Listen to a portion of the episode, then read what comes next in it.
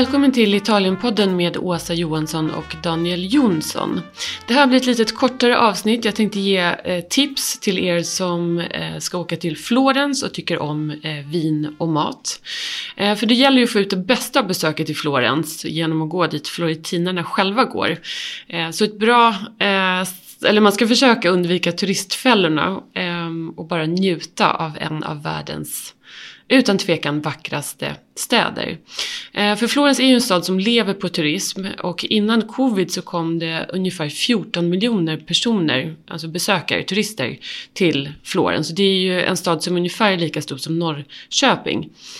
Eh, idag, vi är i april 2022, så är köerna kortare och det är glesare mellan personerna på stadens vackra gator och torg. Eh, men antagligen så kommer, förhoppningsvis också, för stadens ekonomi så kommer turismen snart komma tillbaka till Eh, ja, så, som, så som det var innan Mr Virus slog till.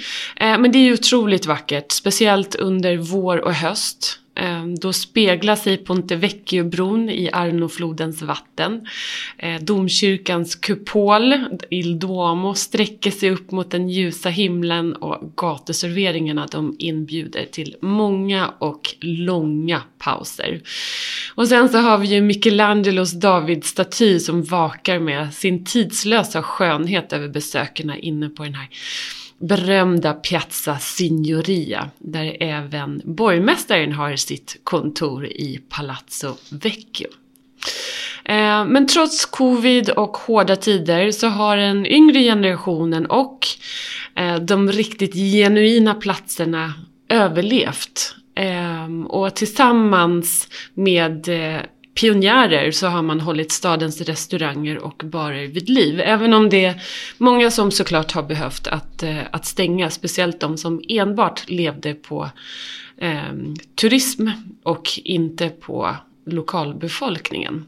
Ehm, men Florens är ju också, det måste vi säga, det är ju renässansens vagga med verk av Michelangelo och Leonardo da Vinci i vart och vartannat hörn.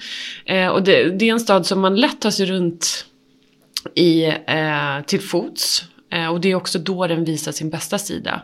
Och det bästa är, om man orkar, så är det eh, otroligt vackert om man går upp tidigt på morgonen när stan vaknar till liv och himlen skimrar i ljusblått och Arnoflodens mörka vatten ligger alldeles spegelblankt.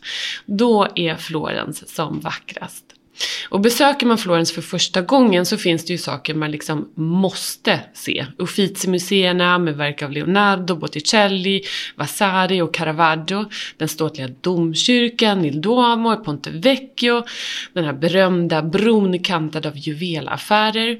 Men det finns ju också en massa intressanta stopp för oss som tycker om mat och vin.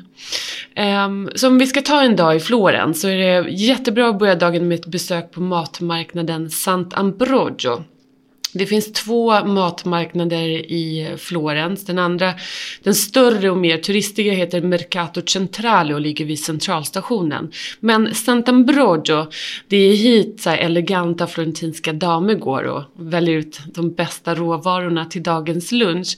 Och det finns mycket att välja mellan bland färgglada frukt och grönsaksstånd och in i marknadsbyggnaden som är jättevacker från 1800-talet så kan man köpa lokala ostar, färsk pasta, kryddiga korvar korvar och kött. Ja, ni vet, det är typiskt italiensk marknad. Eh, och efter marknaden, för att kring eh, Sant'Ambrogio eh, så har en av Florens och Italiens mest berömda kockar, Fabio Picchi, som tyvärr gick bort bara för någon månad sedan, alldeles för ung. Eh, men han har byggt upp ett litet eh, ja, vad ska man säga, restaurangimperium eh, kring Sant'Ambrogio. Eh, han har bland annat ett café och ett bistro som heter Café Cibreo och dit måste man gå och ta en cappuccino och en nybakad croissant efter det här morgonbesöket på marknaden. Och så ska man trängas som en riktig italienare tätt intill bardisken eller ska man sitta ner i eh, eh, de har här gamla teaterstolar som man eh, sitter vid små, eh, små träbord. Det är supermysigt. Så det är ett stopp. Ehm, eh, Fabio, Pico, Fabio Picci har även en ehm, eh, restaurang som heter Il Cibreo. Eh, som är mer eh, snofsig, mer högklassig, men det är typiskt toskansk mat överallt. Sen har man även eh, en teater som heter Teater Cibreo. Eh, och där anordnar man så buffé och så musik och teater och olika föreställningar. Superhärligt. Och sen så det senaste tillslaget är en ehm, eh, liten, pytteliten restaurang som heter Chibleo. Eh, och där eh, lagar man eh, kinesisk mat med toskanska ingredienser.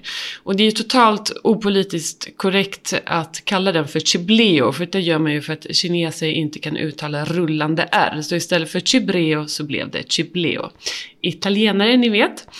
Eh, så det är första stoppet, Café Chibreo, hela Chibreo eh, ställena asmysiga eh, och eh, Mercato di Sant'Ambrogio.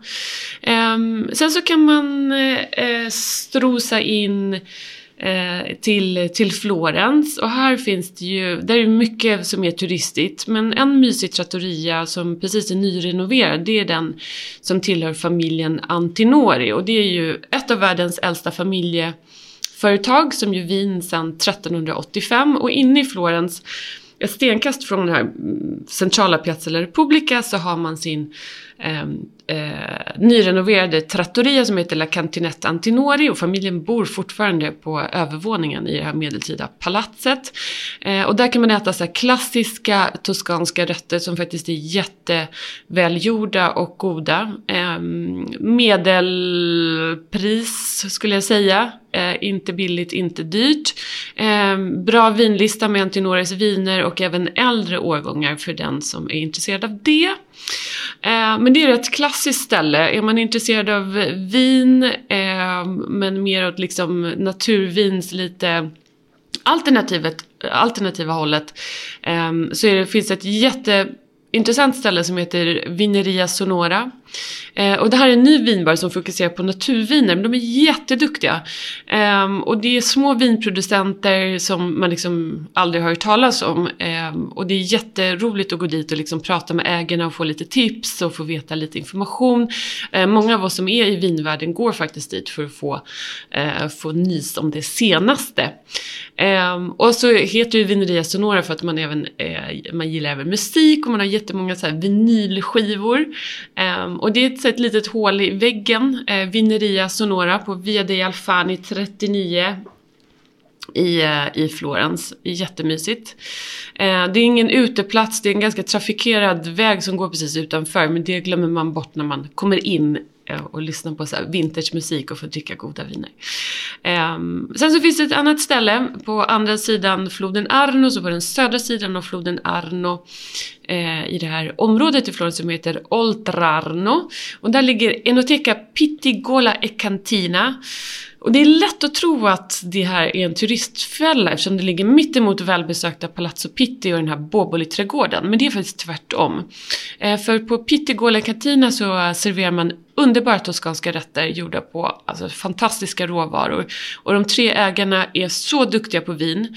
Ehm, och de, nere i källaren så har man faktiskt fler än 3000 etiketter att välja mellan. Ehm, sittplatserna är få, så vill man gå dit, boka bord. Enoteka Pitti Egola. Ehm, och strax intill så ligger också en av Florens mest kultförklarade vinbarer som heter Le Volpi Elova. Och där finns det, eh, det här är bara ett stenkast från Ponte Vecchio, så supercentralt men lite undangömt. Um, Le Volpi Elova ehm, har jättemånga viner på glas. Ehm, från Italien och från andra delar, mest Italien och Europa. Um, ostar, eh, charkuterier, eh, trevligt, mycket vinmänniskor eh, och restaurangfolk som går dit. Stänger dock nio, så det, man får eh, gå dit för en aperitif. Eh, som italienarna tycker om. Man äter ju runt 8-9 i Florens. Ehm, och då, eh, och det här just med aperitif, när man ska träffa vänner eller ha en dejt i så går man ju ta en aperitivo eller en aperitif innan man äter middag. Eh, man kan ju gå till de här vinbarerna men vill man ha en liten lyxigare sån här så kan man, där man eh, också får en underbar utsikt på köpet, så är det på femstjärniga Western Excelsiors takterrass. Och här kan man njuta av en av de vackraste vyerna över Florens tegelfärgade hustak och många kyrktorn medan Arnofloden ringlar sig bort mot horisonten. Eh, men det är om man vill ha lite mm, lyxbubbelkväll så. Eh, det kan ju också vara trevligt. Ehm, vill man ha ännu mer romantisk utsikt så ska man åka lite utanför Florens upp till en by som heter Fiesole. Och här ligger lyxiga hotellet Villa San Michele. Um, och det tar väl 10 minuter med taxi kanske att åka till Villa San Michele. Uh, och här står faktiskt ett av uh, Italiens unga kockar och framtidshopp, Alessandro Cozzolino, och lagar underbara rätter som är en fröjd både för öga och gom. Och utsikten från uh, terrassen, det är faktiskt ett minne för livet. Um, Alltså när solen går ner då blir till och med min man romantisk och det är ju inte särskilt vanligt. Eh, och så har man lång eh, klassisk vinlista eh, och proffsig service. Eh, men här kostar det lite mer men det kan vara värt det, speciellt om man firar något speciellt. Eh, ja, eh, och sen så måste vi tipsa också om en annan trattoria som också är jättetrevlig som heter i centrala Florens som heter Isanto Bivitore. Bevitore. Och det är en modern trattoria som håller på traditionerna. Eh, Isanto Bevitore ehm, är liksom ett säkert kort både när det gäller val av rätter och inredning och vinlista. Den ligger i det hippa kvarteret Oltrarno på den södra sidan om floden Arno. Ehm, och samtidigt som man liksom värnar om det gamla så lyckas man ge en modern touch till både liksom lokal och meny som gör att både florentinare och turister går dit. Ehm, och här kan man äta en sån här beroendeframkallande terrin på kycklinglever som är en florentinsk specialitet. Alltså en paté som man serverar på så pan brioche. Eh, nästan lite eh, bröd. Eh, och så kan man njuta av stora portioner med hemlagad rykande pasta. Och det som också är bra det är att strax intill så ligger en liten vinbar som eh, drivs av samma ägare eh, som heter Il Santino och man har också ett välbesökt bageri. Så att Il Santo Bevitore är lite så här ett nav i det här kvarteret Oltrarno. Eh, vill man, eh, jo, blir man sugen på fisk så är ju Florens inte liksom det bästa stället. Det är en, Toscana är ju en köttregion. Men det finns en eh, fiskrestaurang som heter Calino. Den ligger utanför centrum eh, på en piazza som heter Le Core. Och det här är ett pyttelitet bistro, Calino Eh, i kvarteret Lekore. Och här ändrar ägaren meny varje dag beroende på vilken liksom, fisk och skaldjur och eh, eh, den här karismatiska ägaren, eh, som jag inte kommer ihåg namnet på nu, men det gör inget. Eh, men han ändrar liksom meny beroende på vad han får tag på på marknaden. Eh, han har även en liten men väldigt bra eh, vinlista. Eh, och så är han specialiserad på olivolja, så är man intresserad av fisk, olivolja och goda vita viner så ska man gå till Il Calino. Det är faktiskt en liten hemlis för oss florentinare, men jag tror att ni tar väl hand om den informationen. Eh, Eh, glass vill man ju gärna avsluta med och då tycker jag att man ska gå till ett av Florens mysigaste små torg som heter Piazza della Passera. Och torget är pyttelitet med varm romantisk belysning kvällstid och här ligger flera restauranger som är jättetrevliga.